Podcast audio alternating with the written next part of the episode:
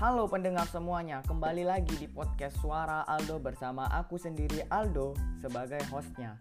Jadi di podcast kali ini aku akan membahas sesuatu yang bisa dibilang masih relate dengan podcastku sebelumnya.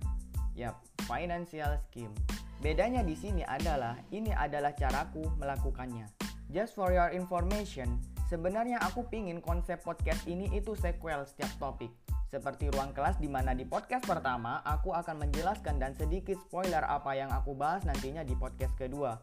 Jadi di podcast pertama aku bakal jelasin dulu apa yang akan aku bahas di podcast kedua. Lalu di podcast kedua aku akan mengajak salah seorang tamu untuk membahas topik di podcast pertama.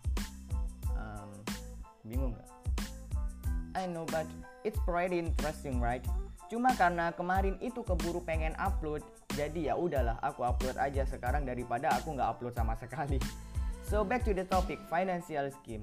Pernah nggak sih kamu merasa kamu itu boros banget? Baru juga dapat salary, nggak sampai satu minggu financial kamu udah kelihatan menipis. Bahkan nggak jarang kamu merasa bahwa uang itu mungkin nggak akan cukup hingga next salary coming. Ah nggak? Menurut aku, kamu bukannya boros, kamu cuma nggak tahu uang kamu udah dibuat apa aja, dikeluarin buat apa aja, dan dibelanjain apa aja. Uang tetaplah uang, uang itu benda mati yang perlu bantuan makhluk hidup lain buat bisa bergerak. Artinya kamu nggak bisa menye-menye ke diri kamu sendiri kayak ngomong, uang kenapa sih kamu hanya singgah? Uang kenapa cepet banget perginya? Bosan tadi dompetku. Oh come on guys, please stop. Sekarang aku bakal ngasih tahu kamu gimana caranya biar kamu bisa atur uang kamu biar kamu nggak bingung lagi ke mana perginya mereka. Sebelumnya, aku mau jelasin bahwasanya aku nggak merasa sedikit pun baik atau ahli dalam ngatur uang. Ya ampun, aku akui I'm bad at this, but karena aku tahu financial scheme ini udah bantu aku menjadi more better than before, aku mau buat sharing ini dengan harapan ini mungkin bakal bantu kamu dalam hal memanage uang seperti halnya aku yang terbantu karena financial scheme ini.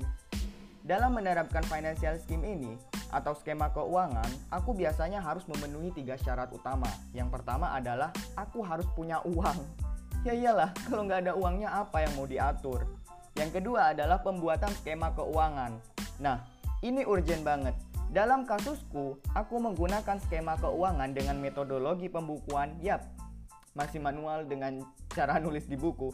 Tetapi dengan cara seperti ini, aku bebas untuk mengatur sistem apa yang ingin aku gunakan untuk skema keuanganku. Biasanya dalam pembukuan, aku menggunakan tiga indikator dana buat mengarahkan keuanganku.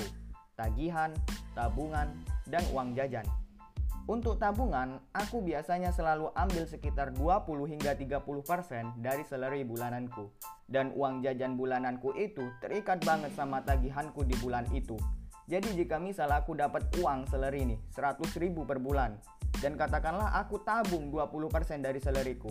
Jadi sisa 80%. Oke. Okay? Uang sisa tersebut nantinya akan aku bikin buat aku masukin ke indikator tagihan dan uang jajan. Jadi kalau misal aku butuh 60% untuk bayar tagihan, maka 20% sisanya adalah uang jajanku. Begitu juga kalau misalnya aku butuh 40% untuk bayar tagihan, ya berarti 40%-nya adalah uang jajanku. Ya, aku nggak pernah menentukan satu bulan aku harus jajan berapa. Ya sisanya itu. Intinya tagihan dan tabungan itu wajib. Uang jajan itu nggak wajib nominalnya menurutku dan begitu seterusnya. Dan yang ketiga atau yang terakhir adalah eksekusi. Ya percuma kamu bikin sesuatu tapi nggak kamu lakukan. Jadi tiga syarat ini akan saling melengkapi satu sama lain. Harus terpenuhi semuanya. Eksekusi tanpa rencana itu bunuh diri.